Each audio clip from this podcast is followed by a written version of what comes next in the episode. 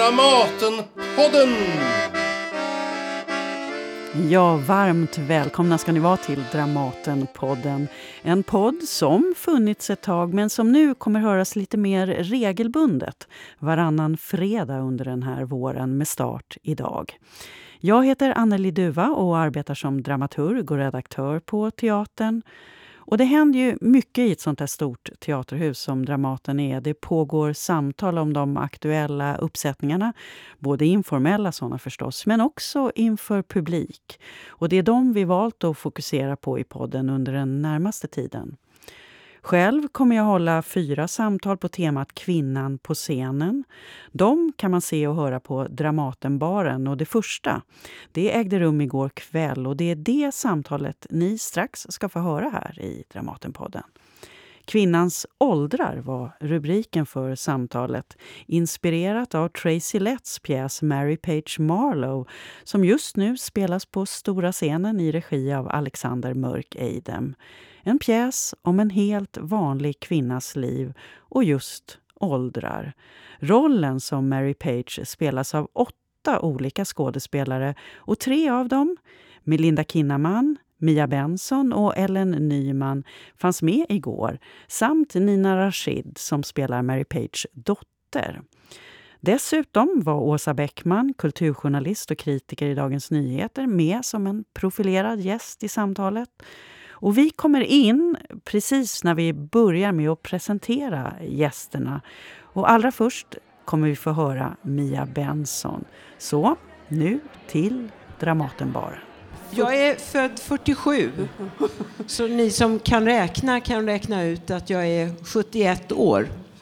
Eh, och, och, jag är med och spelar i Mary Page och jag spelar den äldsta Mary Page när jag är, ligger på mitt, eller sitter på mitt yttersta. Och, ja, jag, jag vet att jag ska dö, för det beskedet har jag fått. Ja. Mm. Och du gick på scenskolan då redan på 60-talet? Ja, ja, jag gick på scenskolan 1968. Och då var vi precis i det här huset. Scenskolan flyttade ju sen, men då var vi kvar här i huset. Uh, under här på något sätt var vi. Och du har jobbat på många teatrar också under din verksamhet kan man Ja, mm. det har jag. Mm. Först gick, då var jag här på Dramaten och då på den tiden så gick en pjäs som hette Zigenare och sen samma grupp spelade NJA-pjäsen.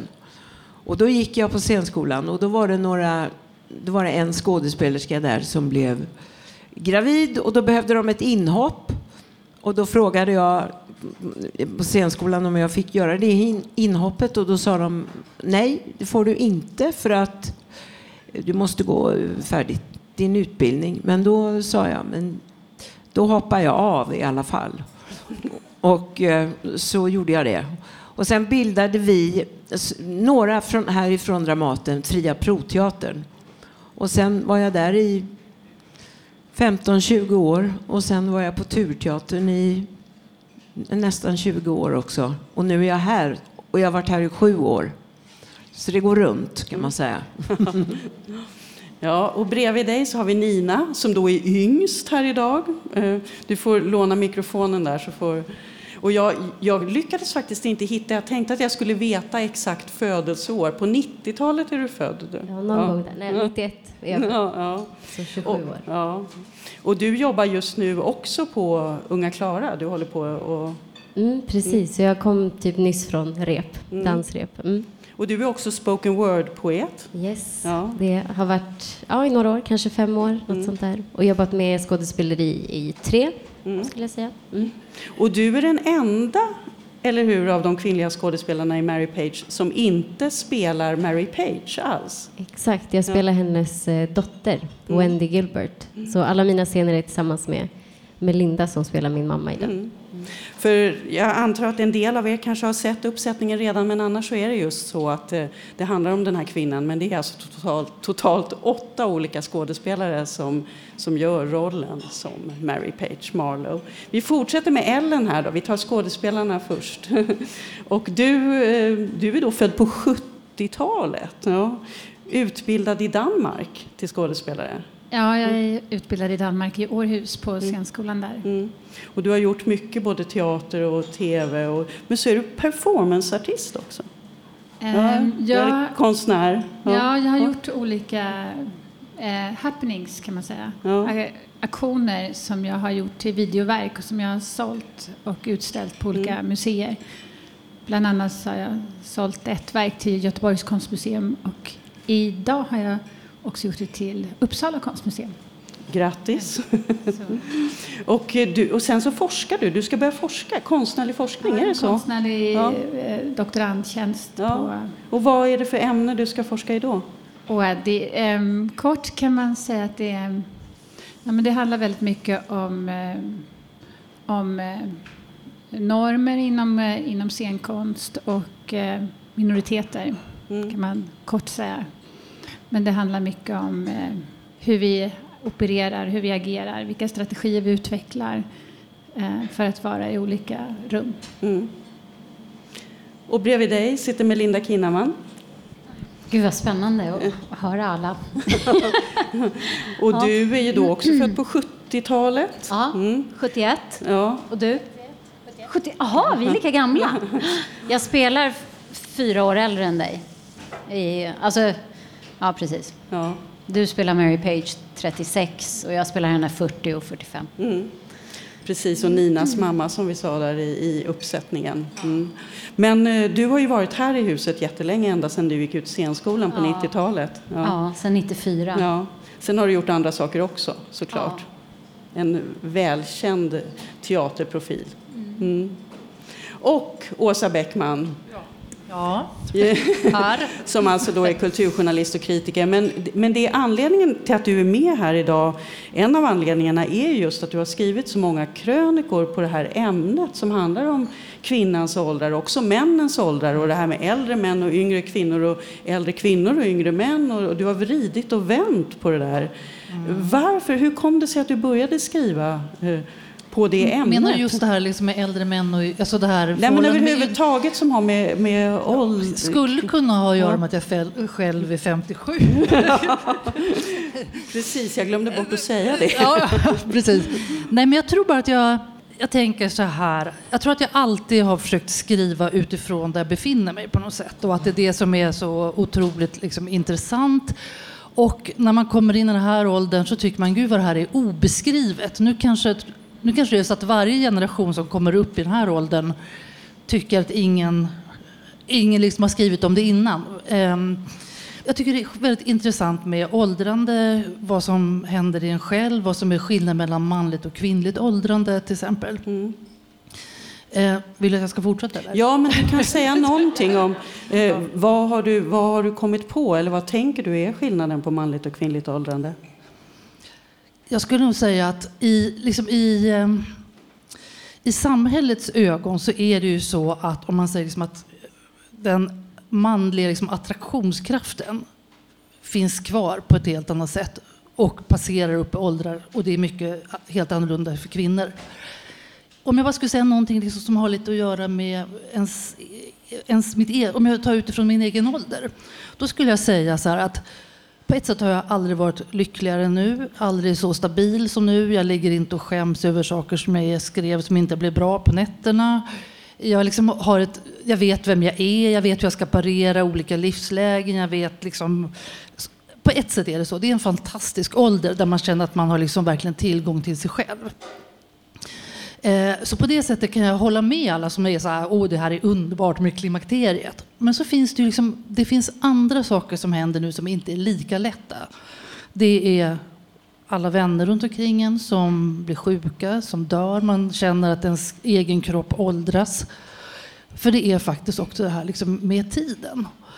Och att liksom det blir otroligt påtagligt nu. Och i det här så ingår också det här Genom hela historien har kvinnor alltid, och kvinnors kroppar alltid varit liksom objekt. Det är de som man har tittat på. Allt ifrån så här fresker, målningar, fotografier. Och att det finns en sån koncentration liksom på kvinnokroppen. Och då kan man ju vissa säga så här, "Men det är ju vad härligt att man liksom kan vila från det. Men det kluriga är ju att man både tycker det är härligt att vila från det, fast man också kan sörja det. Mm. Och att den där känslan, liksom, den tycker inte jag är lika beskriven. Den där känslan av att man också ibland kan sakna. Man inser att man går in i en ålder nu där, där, inte är, där man liksom generellt inte ses som eh, liksom attraktiv på det där sättet som man också ibland vill vara. Mm. Det, den, det, den blandningen tycker jag är intressant. Och där tycker jag det är så intressant liksom att, att att män fortsätter att framställas som så, eh, att de har kvar den där... Liksom, det finns, man tänker just i den här åldern så borde vi kunna vara ännu mer jämställda. Men grejen är att här går det isär ännu mer. Därför att, just därför att liksom, mäns sexuella status finns kvar. Det där är alltså, jag är så himla fascinerad. Jag kan liksom inte sluta och fundera på det. Jag tycker det är otroligt intressant. Liksom. Mm. Eh, och det där eh, har ju en väldigt naturlig koppling till eh, skådespelaryrket såklart. Och det finns absolut med bland det som jag tänkte att vi skulle prata om här idag. Men jag vill ändå bara gå vägen via Mary Page Marlowe. För, så ska vi komma till det här också och fortsätta med det. För att jag skulle vilja höra vad, vad som har hänt med er under den här spelperioden. Också när det är så här speciellt att man faktiskt delar på en roll. Och just rollens olika åldrar är fördelade mellan olika skådespelare. Vad, vad har ni fått för tankar? Har det, är det någonting som ni har sett eller känt som, som var nytt i, under det här arbetet? Jag tänker på kollationeringen, alltså första dagen av repetitionerna eh, när vi sågs allihopa och bara läste pjäsen. Ehm, då slogs jag verkligen av att det var så för då, då, har man ju liksom läst och tänkt mer utifrån sig själv. Och sen så hör man alla andra läsa. Och så var det sån befriande känsla. Att så här, ja, jag är den här mamman som jag handla, mina scener handlar väldigt mycket om Mary Page som mamma. Eh, men jag är också liksom den unga älskarinnan eller den gamla krassa liksom, med den här härliga humorn som du har. Eller liksom, att, det var, att det var en befriande känsla. För det, var ju, det är ju verkligen någonting vi har pratat om. Hur, ehm, och det är ju inte utifrån att vara kvinna kanske, men som människa bara att det är så väldigt lätt att man begränsar sig själv och att man har ett sätt att eh, beskriva sig själv. Jag är sån och sån. Nej, jag, tycker inte, jag har inte så lätt för det där. Och, bla, bla, och vi är ju alltid så mycket mer än det där. Och vi är så olika i olika situationer. Och som skådespelare så får man passa sig, tycker jag ibland, att jag, jag kan bli så här, först att jag vill förenkla så här, jaha, det här är en sån kvinna som gör så. Fast den, det är inte alls, hon kan vara helt annorlunda i en annan situation. Och och som sagt, om man bara går till sig själv så, så, känner man inte ens sig själv helt och hållet och kan överraska sig själv. Så det, var, det var någon sorts befriande känsla det här att, att hon är så mycket olika. Och, och där sa regissören också, Alexander, att vi ska inte tänka som att i din scen till exempel när du faktiskt är hos psykologen och då skulle man kunna säga, ja, man, eh, tänka att där är du helt ärlig och att det är det som på något sätt är det sanna och att det stämmer, det du säger där, stämmer i mina scener eller i de yngre scenerna, så behöver det inte alls vara. För att en dag mår man skit och då ser man hela världen genom liksom, eh, eh vissa glasögon. Eh, och sen så kan det där förändras. Mm. Vad, vad, säger ni andra? Håller ni med Melinda eller har ni något annat att tillägga? Så.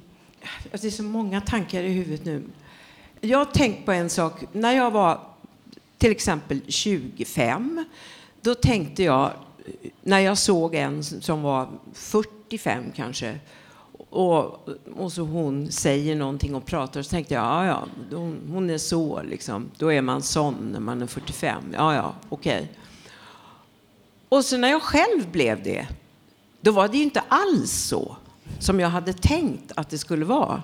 Och nu när jag är 71, då är jag ju inte alls så som jag trodde att jag skulle tänka och vara. Om man skriver dagbok till exempel och tittar vad man skrev när man var 20 och, och, då kan jag tänka, men hur kunde jag tänka så? Alltså det är ju helt, jag, känner, den, alltså jag fattar ingenting. Och, och, och, så kommer ju, kanske man ser någon, någon, som berättar, ja vi träffades då, då var jag 40 och kommer du ihåg, då sa du och du gjorde och du har alltid varit sån, säger den personen då jag känner igen, inte igen någonting. Och när man blir äldre då, då, är det, då har man så många olika människor i sig. Och så många olika perioder. Och det, man är ju, jag, jag var med och skrev en pjäs om eh, min mamma. Och då var det var jättemycket folk och då var det kanske personer som var i min ålder nu. Och jag pratade väldigt mycket om min mamma då. Och, så där. och då tänkte jag att de, när de pratade, för de ville gärna, vi pratade efteråt, att de skulle prata om hur de var som mammor. Men det tänkte ju inte de på. De tänkte på sina mammor. Som jag tänker på den scenen när jag eh, sitter där i, i stolen. Jag, jag, visste inte, hur ska man spela den? Först fick jag väldigt ångest, för jag har inte liksom tänkt så mycket på det där. Jag, du är på sjukhus? Jag sitter ja, och jag har fått besked. Jag har en sån här syrgrej i näsan. Och min man har dött för fyra år sedan. Min tredje man. Och jag har fått besked om att jag, det är nog inte så lång tid kvar. Och, och då skulle man ju... Det var ju deprimerande att tänka på det. Att det kommer ju, det kommer ju hända mig och alla människor. Vi kommer ju dö. Fan, alltså. Och, och då tänkte jag, ska man spela henne då när hon sitter och tänker att det är så hemskt i hennes liv och alla de här hemska scenerna som har varit med... Eh, men det, det är inte... Vad hon sitter och pratar om när jag tyckte att jag hittade en framfart som var rolig att spela, det var att ja, hon har inte, hon har inte fått göra det hon hade... Hon har gjort en hel del av det hon ville göra, men hon har inte fått åka, resa så mycket och framförallt inte till de ställen som hon hade velat åka till. Men så är livet. Det är okej. Okay. Det är okej. Okay. Det är inte åh, jag fick aldrig åka till Paris, utan det var ja, jag fick aldrig åka till Paris, men jag, jag lever med det. Ja, men jag trivdes med mitt jobb. Det var kul. Ja. Och det var så och så. Och så pratar man lite hit och dit och så byter man ämne. Alltså, man bär ju inte med sig hela sitt liv hela tiden. Utan det är ju, man är ju här och nu. Nu sitter jag här. Och det är jättetrevligt. Och sen så kan det vara för jävligt om några timmar. Och det tycker jag att man ser, att man känner mer att Därför tyckte jag också att det var bra när Alexander sa att ni ska inte ta ton av varann eller försöka härma eller tänka att här är ett typiskt drag som Mary Page har. Så här är Mary Page. Nej, för att varje människa har ju så många olika. Man är ju olika vem man pratar med. Mm. Med olika vänner man har, då är man sån. Sen är det en annan vän, då är man helt annorlunda. Så att man, ja. Men eh, Nina, du då som är yngst istället och som inte spelar Mary Page. Eh, hur har du uppfattat det här? Vad du, ditt perspektiv måste ju vara ett helt annat. Mm. Ja, alltså rent textmässigt så fanns det inte så jättemycket att gå på för eh, dottern. Så jag fick jobba mycket med ja, men hur Mary Page är i våra scener. För det fanns mycket mer att hämta där tyckte jag. Mm. Och alltså hennes, liksom, hur hon är som förälder kunde jag skapa någonting om hur barnet skulle vara liksom, eh, för det. Eh, speciellt i sista scenen där alltså Wendys funktion är nästan som en trampolin, för hon ställer frågorna som sen ger de här stora svaren som ja, liksom, berättar mycket om hur Mary Page är som mamma, eh, också lite om det här medberoendet eh, som barnen kanske då har. Mm. Och så, där. så det har varit jättespännande att få jobba alltså, åt det hållet, än liksom, okej okay, nu ska jag hitta alla svaren i texten som finns skriven för mig. Ja. Och Ellen, jag vill höra, har du, har du något också som du har tänkt kring just den här eh. uppsättningen? Mm. Jag har tänkt på att jag tycker att det är väldigt fint att få lov att vara med i en kollektiv eh, process som flyttar sig också förbi en själv som skådespelare och vad jag gör med en. Utan att det, att det, blir, att det blir någonting större. Mm. Eh, sen tycker jag för mig att det också varit eh, intressant med den här pjäsen just för att eh, ja, men jag har också upplevt en bortgång som förmodligen också kanske var orsaken till varför Tracy Lett skrev den här.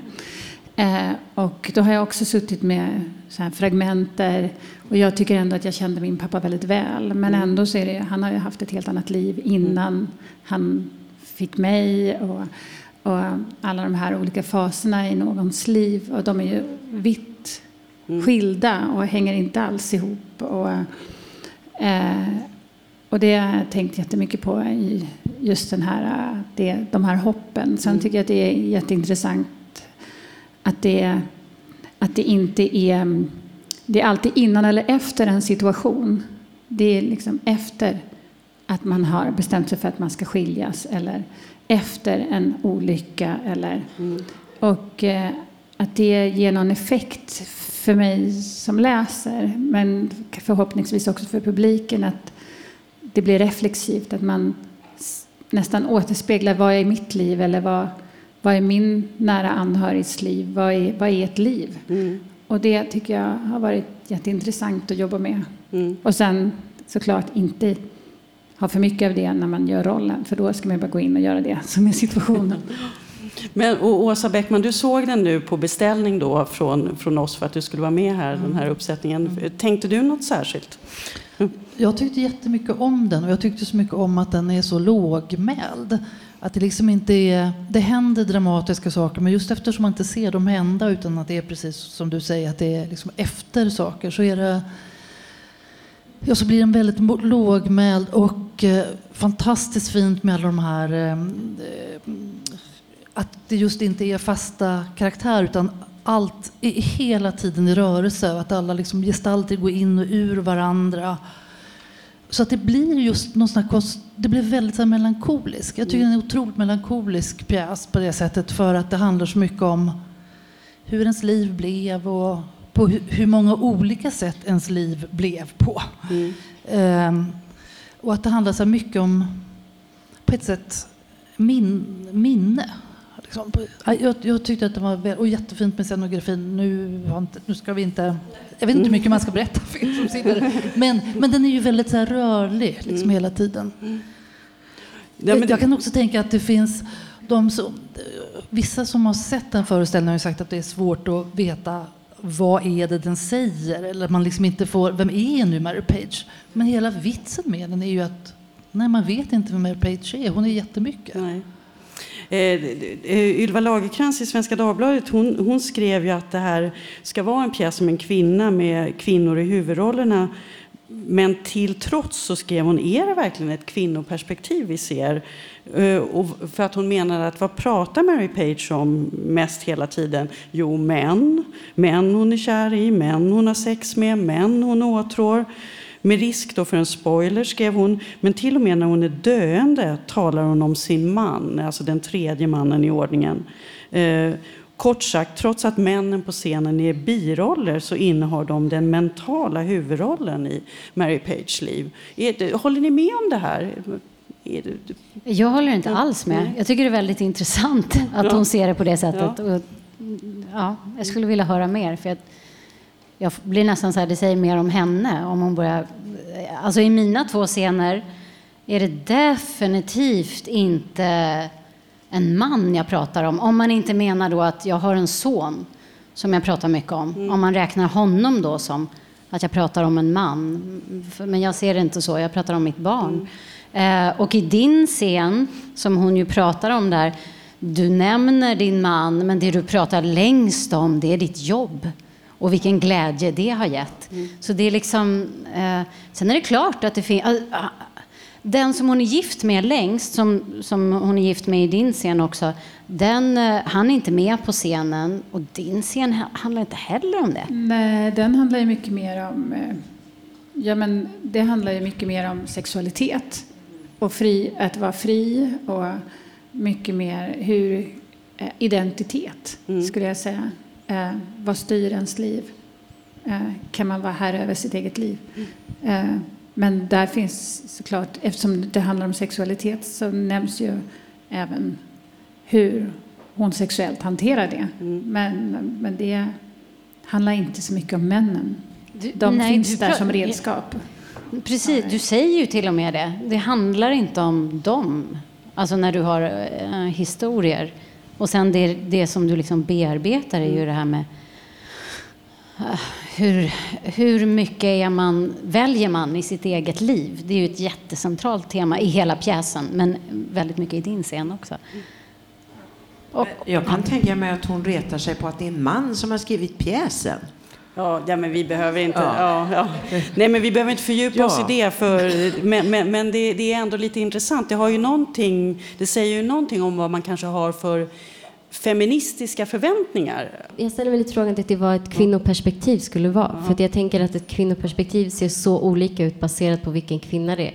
Alltså det kan ju vara ja, som sagt, det skiljer sig om man är en kvinna som rasifieras som icke-vit eller om man är arbetarklasskvinna. Alltså, alla de här grejerna är olika perspektiv. Mm. Och jag vet inte ja, mm. vad ett specifikt kvinnoperspektiv skulle vara. Det skiljer sig från kvinna till kvinna, ja, tänker jag. Mm. Sådär.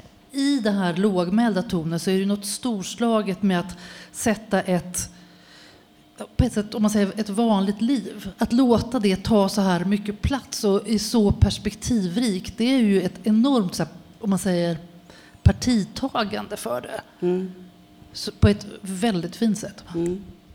Men jag tänkte för det som du var inne på, Åsa, eh, och började prata om det här med, med kvinnan och eh, åldrandet, attraktiviteten, hela den där aspekten. För då eh, som kvinna och skådespelare så har man ju ändå traditionellt sett i alla fall varit utsatt för att alltid bli, och det är ju, gäller ju även manliga skådespelare i och för sig, men att man också ska bli vald. Som skådespelare blir man ju hela tiden vald. Bjuden upp till dans, vill du vara med på det här? Och eh, jag undrar bara vad ni har för erfarenheter av det där genom de olika åldrarna, hur det ser ut eh, för er som skådespelare. Har ni något intressant att berätta som är kopplat just till att vara för ung eller för gammal eller att bli bedömd utifrån ytan eller som objekt i någon mening? Alltså för, för mig har det ju varit snarare här att jag verkligen måste jobba med fortfarande mm. att, äh, äh, in, att tacka nej till roller som, där jag spelar yngre än mig själv. För du har med, jag har något barnsligt. Jag är liten ja. och sen har jag några barnsliga drag. Och det, det där fortsätter, även om det börjar hänga och sådär, så är det liksom, jag har det här barnsliga. Så där, eh, jag har, alltså senaste tio åren här på Dramaten så har jag verkligen tackat nej gång på gång på gång. Eh, för att jag är så här, det är jättebra men jag vill inte spela Flickan. den där. Nej. Mm, mm. Så nu var jag så... Uh, ja, alltså, nu har det varit några år när jag har fått spela min egen ålder. Men mm. jag måste liksom passa det där. Och så är det väl lite på teatern, att vi får spela yngre ganska länge. Om man jobbar mycket hela tiden och tycker det är roligt fortfarande att jobba och, och då känner man ju lust på alla möjliga roller, men då är man för gammal. Alltså när man verkligen förstår eh, såna, Fröken Julie och alla de här, då är man för gammal för rollen. Eh, egentligen är man inte det, men den är ju, alla ser ju en yngre Fröken Julie än mig.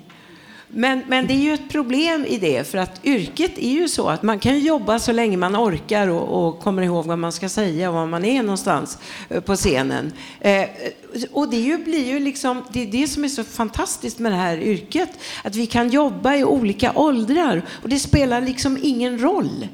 Vi, vi unga, vi jobbar med barn i pjäsen också och vi är kollegor, då är det liksom, man behandlar dem inte riktigt eh, som barn utan då är det, ja nu det, det, är väldigt skönt det att det finns, det är något ålderslöst samtidigt eh, med skåd, att, att, vara skådespelare. Ja, alltså, jag, för mig, jag har verkligen tänkt på den här frågan och jag tycker att den är jättesvår att svara på för att jag, jag kan inte riktigt se och egentligen så borde jag väl kunna det men det som liksom ligger in över om jag ser tillbaka på min karriär och jobb och val och där jag inte har valt så, så, så är min hudfärg det som är det liksom mest pregnanta och som har styrt mm. jättemycket. Um, och, um, så därför så tänker jag att det är, precis som du säger, så här, vad är en kvinna? Det är mm. så väldigt olika få kunna prata om det med att vara kvinna, vilken kvinna och vilka kroppar Mm. och, ja, och vad man, om, man, alltså om man är religiös eller om man har en annan funktionalitet, en Mm. annan kropp. Vi är också ganska så här slimmade, alltså så, vilka hamnar på scenen Mm. och vilka får lov att ta plats där. Sen skrivs allt det här in i en karusell av eh, hur ser man då på en ung svart kvinna och vad har jag då fått göra och har jag kunnat parera de olika sakerna, eh, frågor. Men då har förfrågningarna varit både att du är ung men också hur du ser ut och vad man förväntar sig att man kan placera Mm. en sån som ser ut som jag. Och det, är- det har liksom styrt väldigt mycket, tycker jag. Ehm, och säkert också är orsak till att jag gör mycket annat också. Mm. För du, Eh, ja, ja. För att få lov att vara liksom mera, inte för att jag inte har fått för- jobbförfrågningar utan för att få lov att uttrycka det jag tycker är viktigt som Mm. konstnär. För du nämnde ju också det Nina, du nämnde rasifiering och klass också. Jag hade ju också faktiskt skrivit det i en fråga till er. Nej men alltså just hur de här olika komponenterna, eh, vad- just vad kvinnorollen, precis det som du egentligen svarar på nu, hur den väger i förhållande till de här andra aspekterna. Men vad är dina erfarenheter av Nina? Eh, Jag har inte jobbat så jättelänge, så jag har inte liksom den här långa eh, historien att gå på. Men jag tänker eh, att det absolut spelar roll. Alltså jag tänker i film kanske mest, men vad man kanske anser spelar man kanske inte blir påtänkt för att man inte är, ja, för att man rasifieras som icke-vit och sådär. Ja, jag tycker det är svårt. Vill Åldersmässigt kan man kanske säga att det har blivit bättre. Mm. Eh, så att det, att det finns, eh, finns mer, att, det ens, att jag ens är påtänkt till att vara en av de här Mary Page. Mm. eh, är ju också för att vi är i den tid vi är nu. Eh, ehm, så kan det hända att om fem år så kanske det är ännu bredare spektra på Mm. vem som är med i en sån här eh, uppsättning. Sen tänker jag att ehm, det är väldigt fantastiskt när vi får lov att ha de olika åldrarna i en föreställning, i en projekt. Och jag känner nog en liten sorg att jag, att jag inte har någon äldre svart kvinna framför mig. Mm. Och att jag inte har fler. Eh, det, det känner jag. Och jag håller Astrid Assefa hårt i handen eller jag håller Francesca Corti eller jag håller Tryck i handen som är en förening för afrosvenska konstnärer. Eh, alltså, för det blir väldigt viktigt. Men jag tänker, och jag tänker jättemycket på Karl Gerhards dotter. Och, ehm, så så, att, eh, så här, hur har det varit? Jag hoppas att inte det är för många som skådespelare som har någonting som är pregnant för dem, att de slutar. För det är många som slutar. Eh, och det är också det som är orsaken till att det inte finns så många äldre. Att, eh, att folk är envisa nog att stanna kvar. Jag tror det är viktigt också att man försöker bekämpa det här att bli uppbjuden. Om jag inte blir uppbjuden då får jag fan bjuda upp mig själv på något sätt. Göra någonting. Och det händer ju också att man, man slår sig ihop med andra människor som man tycker om, startar egna projekt. Och, och det tror jag, det är det vi får göra. Vi kan, man kan inte sitta och vänta på och, och bli förbittrad över att jag menar, det finns massor med skådespelerskor som är jätteduktiga, men det är ingen som har sett dem. Eh, och då kan de sätta sig och bli bittra och ja, vem bryr sig? Utan om man har något att säga som är viktigt, då får man ju kämpa för det också. Det, det räcker inte att säga att jag är inte uppbjuden. Inte idag, tycker jag. Det var värre förr. Jag tycker det tycker jag metoo har hjälpt till Ja. med. Liksom. Att vi, nu får vi fan ta saken, om vi ska göra något så får vi ta saken i egna händer. Vi kan inte sitta längre och, och vänta på att bli uppbjudna. För det var min nästa fråga, just vad metoo och för teatern då tystnad tagning, men det gäller ju journalistiken. Alltså, Ursäkta, för och- jag, bara, ja, ja, jag ja. menar inte att jag inte har fått eh, förfrågan. Nej. Nej.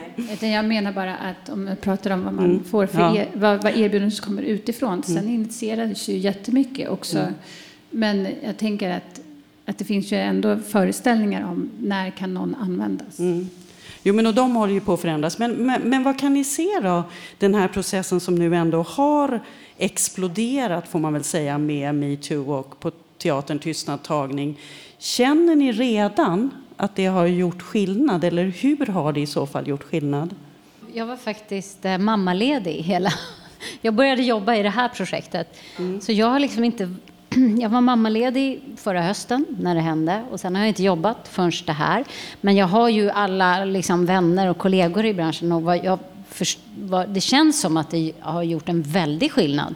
Att det, att det finns en, liksom, eh, en, en medvetenhet eh, som inte har funnits förut. Mm. Men hur yttrar sig den då? Det är ju intressant. Ja, jag, för, ja. mm, det, jag kan inte svara så mycket mer på det. Det är precis det vi väntar på nu på något sätt. Det är nästa steg i det här. Vad gör vi? För det är ju fortfarande så att det är chefen där uppe som bestämmer vem som ska göra vad och vilka regissörer som väljer vilka skådespelare.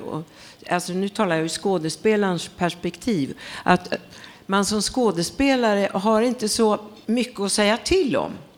Några har mycket att säga till om, men de flesta skådespelare, om jag talar om här på Dramaten, har inte... Man får kämpa för egna projekt och det är viktigt att man gör det. Och det tror jag, det är det vi måste göra nu. Och hitta pjäser som vi tycker om och slå samman och driva olika projekt. För annars, annars kommer det bli precis samma sak som det har varit hundra år mm. igen. Mm. Åsa Bäckman, du ville säga något? Ja. Jag ser fortfarande hela metoo som en någon sorts liksom, mental revolution nästan. Och där man känner att jag tror aldrig att det kommer kunna gå, det kan inte bli ogjort. Man kan inte gå tillbaka. Och jag kan tänka lite som man är i sitt eget liv så känns det som att, jag menar även om jag själv allt, man självklart alltid varit feminist och sådär så tror jag att det är, det är massa situationer där om jag själv skulle vara med om någonting eller att jag skulle se andra kvinnor vara med, med om något så här mer, alltså, o, om man säger oönskad intimitet som man sa i Svenska Akademisammanhang. Förut har det ändå varit någon slags gråzon där man känner, såg jag rätt eller kände jag rätt? Alltså lite någon sån där svävning. Nu så känner jag att man reagerar på en gång och att man känner sig stärkt av nästan som en kör av liksom röster bakom sig från alla de här vittnesmålen. Och på samma sätt tror jag faktiskt att det är offentligheten. Jag tänker, jag vet inte om ni läste den här franske författaren Jean nu min franska är så dålig. M-O-I-X. Mm. Moa, Moa. Alltså. Som för ett par veckor sedan gick ut i den här franska tidningen Marie Claire och pratade om på vilket sätt som han inte kunde, han var själv 50, man kunde absolut inte ha sex med någon kvinna över 50 därför att de hade 25-åriga hade extraordinära kroppar fast ingen, ingen 50-åring hade extraordinära mm. kroppar. Sa han. Och det, alltså det tog några timmar, det bara smällde till och sen kvinnor över hela världen liksom bara hallå, stopp. Liksom. Den snabba reaktionen tror jag är liksom metoo. Den hade inte kommit lika snabbt. Det finns någonting med att det, det räcker nu. Mm. Alltså att, att man reagerar så otroligt snabbt, att man litar på sin intuition väldigt snabbt. Det här är inte okej. Okay. Mm. Det tror jag är en jättestor skillnad. Men, men, skulle du säga att det är det, för du, för du har ju också fått väldigt, väldigt mycket reaktioner på dina krönikor, eller hur? Mm. Alltså, jag har, tänker med de här med, speciellt ja, de här med äldre män och yngre kvinnor. Som har handlat om de här ämnena, ja. eller? Och det ja. var därför det också blev fler och fler krönikor, ja. för att du fick svara på dina reaktioner. Ja, precis. Jag skrev, men... förra hösten så skrev jag någon sån där artikel, eller en krönika som handlade om eh, jag började tycka det var så konstigt för jag insåg att ungefär 70, jag skulle säga 70 procent av mina vänner deras män plötsligt började dra igång så här lite förälskelse med yngre kvinnor. De gick ut och hade väldigt långa kaffepauser och, och vinkvällar med sina kollegor och sånt där. Och då började jag tänka så här, men herregud, jag har trott att det här var lite så här i filmer och tv-serier så här, eller romaner. Att, det här, att vid en viss ålder så börjar män liksom, liksom dras till yngre kvinnor på det här sättet. Eh, och så plötsligt inser man, herregud, men det, det här är ju verkligheten. Mm. Och då, började, då skrev jag en krönika som handlar lite, lite om det där. Som var när så här, Henrik, 65, ska gå ut och träffa Anna, 30. När han står där i spegeln, vad tänker han? Liksom, tänker han då så här? Eh, det här är ju lite pinsamt, jag börjar ju bli liksom en schablon. Eller tänker han så här, Eh, vår kärlek, den är helt unik, den, har ingen, den är helt ålderslös, den har ingenting med schablonen att göra. Eller kickar han lite på att han kände sig som George Clooney, liksom, så har man med sig en sån här ung tjej vid sin sida. Och så började jag, så här, jag började tänka på det där. Och så sa kan inte ni berätta för mig hur det är? Och då smällde det bara till i min mailbox. Och fick kanske 600-700 mejl. Från framförallt män som otroligt modigt och jätteuppriktigt och väldigt fint så berättar precis på vilket sätt som de var trötta på sina jämnåriga kvinnors kroppar och underliv och de var väldigt explicita. De skrev sånt där som att till slut var jag bara tvungen att få ligga med någon som var pigg och slät. Och det där, det där med pigg och slät får jag inte ur huvudet riktigt. Och de var väldigt så här, de var trött på alla så här torra underliv. Och de, de, var, de var väldigt så här.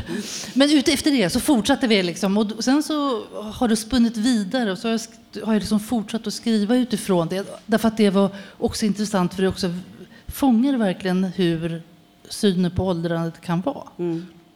Men för om, om vi håller oss också på teatern, eller kvar på teatern, så har det ju ändå också historiskt funnits jag menar, eh, regissörer har varit eh, nästan bara män väldigt långt fram i tiden. Nu är det ju inte så längre. Då. Och apropå, du talar om gråzoner. Jag vet inte hur många skådespelare, kvinnliga skådespelare jag har intervjuat som är äldre och så, som har berättat om det här. Så man bara trodde, man trodde bara att det var så. Det var man tvungen att gå med på, att man skulle bli nypt i rumpan eller vad det var, eller klappad på huvudet. Ja, ja. Men där där har det väl ändå hänt något, för nu är väl inte ens manliga regissörer är väl sådär nu för tiden, väl? Alltså, jag, tycker att det, jag tänker att det har hänt en, en del, men nu har jag inte jobbat här förut, men bara det att de läser upp en så här riktlinje för Dramaten mm. till kollationeringen. Mm. Eh, som är så här, du får inte, du ska, du är bra om du hälsar på alla du möter. Alltså det är så här, det är ju det som de har gjort i, alla internationella arbetsplatser, alltså banker och sådär. Där har det ju varit så här, om du går till Bank of England så är det säkert så här, du får inte som man rätta till dina byxor i samma rum som en kvinna för att det kan associeras till harassment. Alltså överdrivet kanske, men just att det ens formuleras det eller att du har en chef som adresserar hur viktigt det är gör ju att det, det blir som någon dopplereffekt att mm att det blir ju, ja men det, det blir, folk vill ju verkligen att det ska inte, alltså, sen tänker jag så här, men sen är det också antalet räknas. För att det blir ju också tryggare miljöer, tycker jag, när jag har jobbat med många kvinnor eller i en produktion eller som i den här produktionen. Det, det smittar av. Det blir ju ett starkare systerskap eller det blir ett så här, Ehm, det, kan, det blir en annan stämning tycker jag än om man är två tjejer i någon Shakespeare ehm, eh, och alla andra är mycket... Alltså det ser, kan bli väldigt annorlunda. Mm, mm. Men det finns... Eh, så jag tror det. Sen vet jag också att Scenkonst Sverige och Teaterförbundet håller på att ut...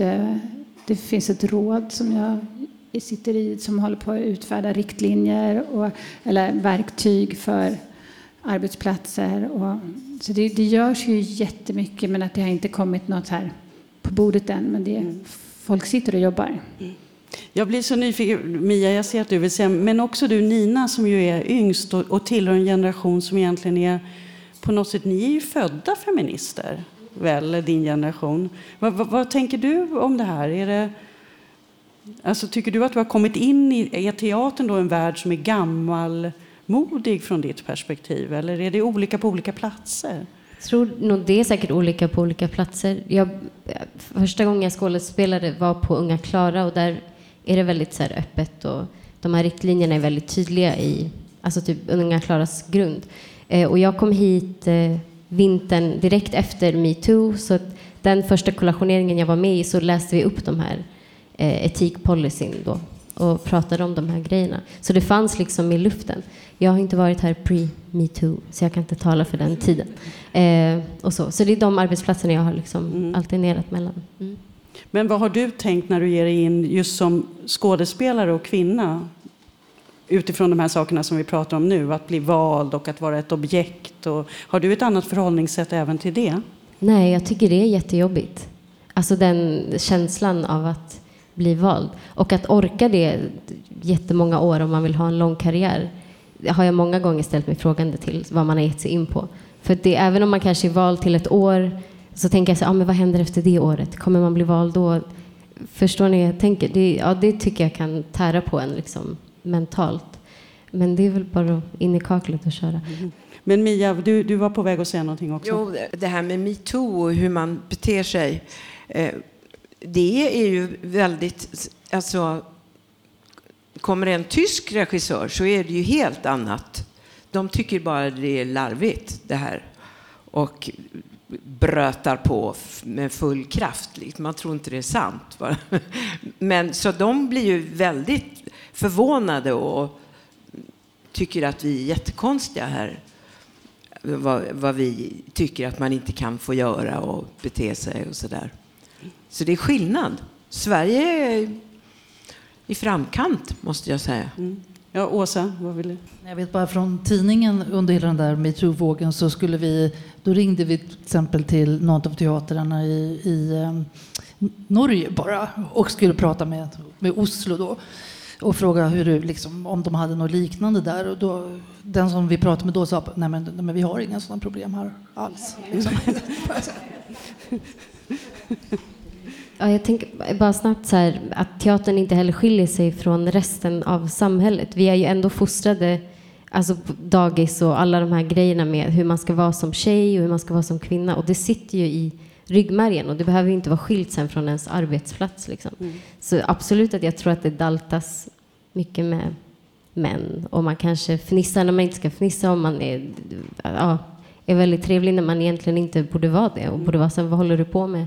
Eller att, förstår ni hur jag tänker? Jag tror ändå att det finns i en. Även om alltså, metoo har skett så är det svårt att skaka av de egna sättet man möjliggör de här beteendena på ändå. Men hur länge fortsätter man med det då, Mia? Du som är, alltså, lägger man inte av någon gång i så fall? Och, ja, jag försöker ja. komma på mig själv och jag gör det hela tiden, mm. omedvetet. Men jag är medveten om det nu. Mm. att man börjar, så jag talade med Marie Göransson om det och hon sa, ja det är ju det här liksom, om man ser att det sitter en manlig skådespelare eller en, en regissör som är på dåligt humör, då börjar man genast liksom kvittra omkring den personen så han ska bli glad igen. Och det är ju trevligt att man gör det, men de kvittrar ju inte när man själv är på dåligt humör. Så det är ensidigt det där. Men Melinda, jag måste fråga dig då eftersom du sa det här med, med din eh, flick, eh, flickighet och sådär, att du har fått strida för den. Har, har det varit ännu svårare för dig då i så fall att säga ifrån? Eller har du tvärtom kunnat göra det via din flickighet? Jag blev ju fast så ung, alltså fast eh, anställd. Ehm, och det är klart att man blir vald till olika projekt, men jag har ju, jag har ju inte behövt liksom det här, hur blir det nästa år och hur blir det? Ehm, och det har gjort också att jag inte blir lika sårbar då, eller beroende. Så nej, jag känner inte att den där eh, konflikt. Men däremot så är det ju definitivt så, apropå det där med att kvittra och att ta ansvar för en hel situation. Jag har ju, alltså, ibland kan det vara så här, det var någon uppsättning för några år sedan bara där uh, den manliga huvud, han som hade manliga huvudrollen, jag hade kvinnliga huvudrollen, han hade väldigt mycket problem. Liksom. Jag pratade med, jag, det var så naturligt för mig att bara engagera mig i honom och, och liksom hjälpa honom.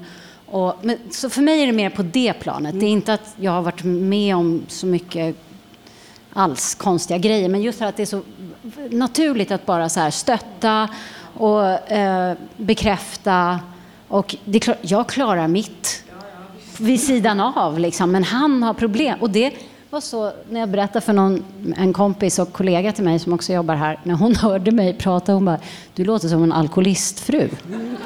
Och jag var så här, men, vadå? men jag tycker inte att det är något svårt. Alltså, så på det sättet är jag väldigt, så här, väldigt van vid bara att förhålla mig till det förhållningssättet till män. Mm. För att de, de, många män på teatern som jag har pratat med, de är jätteglada för metoo. De tycker det är fan vad bra, yes! Så att de är nog inte det största problemet. De, det problemet sitter i oss själva nu. Nu måste vi sluta med det där. Men också, för det nämnde du ju också, alltså jag tycker att vi kan bli mycket, mycket bättre på fler kvinnliga regissörer, fler kvinnliga dramatiker. Om jag ska vara ärlig så tyckte jag att det var bättre för några år sedan. Mm. Jag tycker att vi har gått lite tillbaka. Mm. Just i det här huset menar du? Ja, ja. i det här huset. Ja. Och just det här med dramatiken och antalet bra roller för kvinnor och så. Det är ju ett ämne för sig. Det kommer vi också återkomma till i ett senare samtal. Det kommer kanske återkomma lite här och där i de här samtalen om, om kvinnan på scen. Men det, om ni undrar varför, det är inte så att jag undviker det idag, men jag tänkte att det inte är just det vi ska prata om idag. Men där finns såklart en grundläggande förklaring också att dramatiken historiskt, som ni vet, inte har haft så många roller för kvinnor över en viss ålder. Och det är det som också är roligt då, för att knyta ihop säcken här med en pjäs som Mary Page Marlowe och nu, jag tänkte fråga er, för vi, för vi ska börja avrunda här. Men har ni någon eh, replik? Jag har inte bett er om det här på förhand, men har ni någon replik eller någonting som sägs i Mary Page som ni tycker är bra, som ni skulle vilja avsluta med här? Eller är intressant på något sätt? Det här är jättesvårt när man får frågan. Och jag skulle ha sagt det innan och eh, Kom, om någon kommer på, annars kan ni ta en annan bra replik från en annan uppsättning.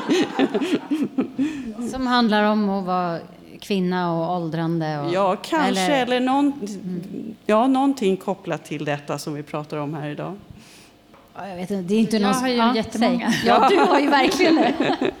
ja, precis. Du har hela din scen där. Men varsågod då, Ellen. Ta någon. ta några, no, två eller tre från den där. Eh, men hon är hos psykologen så hon berättar om hur hon har det. Och där säger hon i alla fall att, att hon tycker att många utav, som kvinna, många av våra roller är så fastlagda. Var fru, var dotter, var mamma, var älskarinna. Och så går hon vidare. Och sen säger hon att ingen kommer någonsin att se vem hon egentligen är. Och eh, att hon hon bara spelar alla dessa roller. Hon är så, jag är så fruktansvärt bra på att spela mig själv. Mm. Jag kom på en. Ellen spelar sjuksköterskan i den här scenen när jag är på sjukhuset och frågar ja, så du ångrar ingenting då i ditt liv? Nej, nej men det sa jag inte, säger jag. Vissa saker, vissa grejer, men eh, yeah vem, vem, vem skulle inte vilja göra om vissa saker om man fick chansen?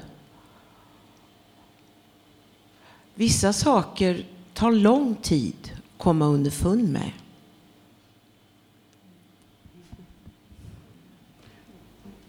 Den gillar jag också. ja. Eh, jag, jag, tycker vi, eller, kom du på någon? Nej. Nej, nej, som du såg ut som. Det var så fint annars att, att sluta där. Eh, jag säger tack till Melinda Kinnaman, Ellen Nyman, Åsa Bäckman, Nina eh, Rashid och Mia Benson. Och tack till er för att ni kom hit. Och där avslutades samtalet på Dramatenbaren igår kväll med rubriken Kvinnans åldrar. Men det blir fler samtal både där och på andra scener på teatern under våren. Och många av dem kommer ni alltså kunna höra här i podden. Och varannan fredag kommer vi släppa nya poddavsnitt. Nästa avsnitt den 1 februari. Innan dess är det på teatern premiär på Cindy Harris Hålla andan den 19 januari. Lena Endre har regisserat. Tennessee Williams, Orfevs stiger ner med Runar Hodne som regissör, har premiär den 25 januari. Och Malin Axelssons nyskrivna Lauras läppar den 31 januari. Och Mary Page Marlowe på stora scenen den spelar till den 30 januari.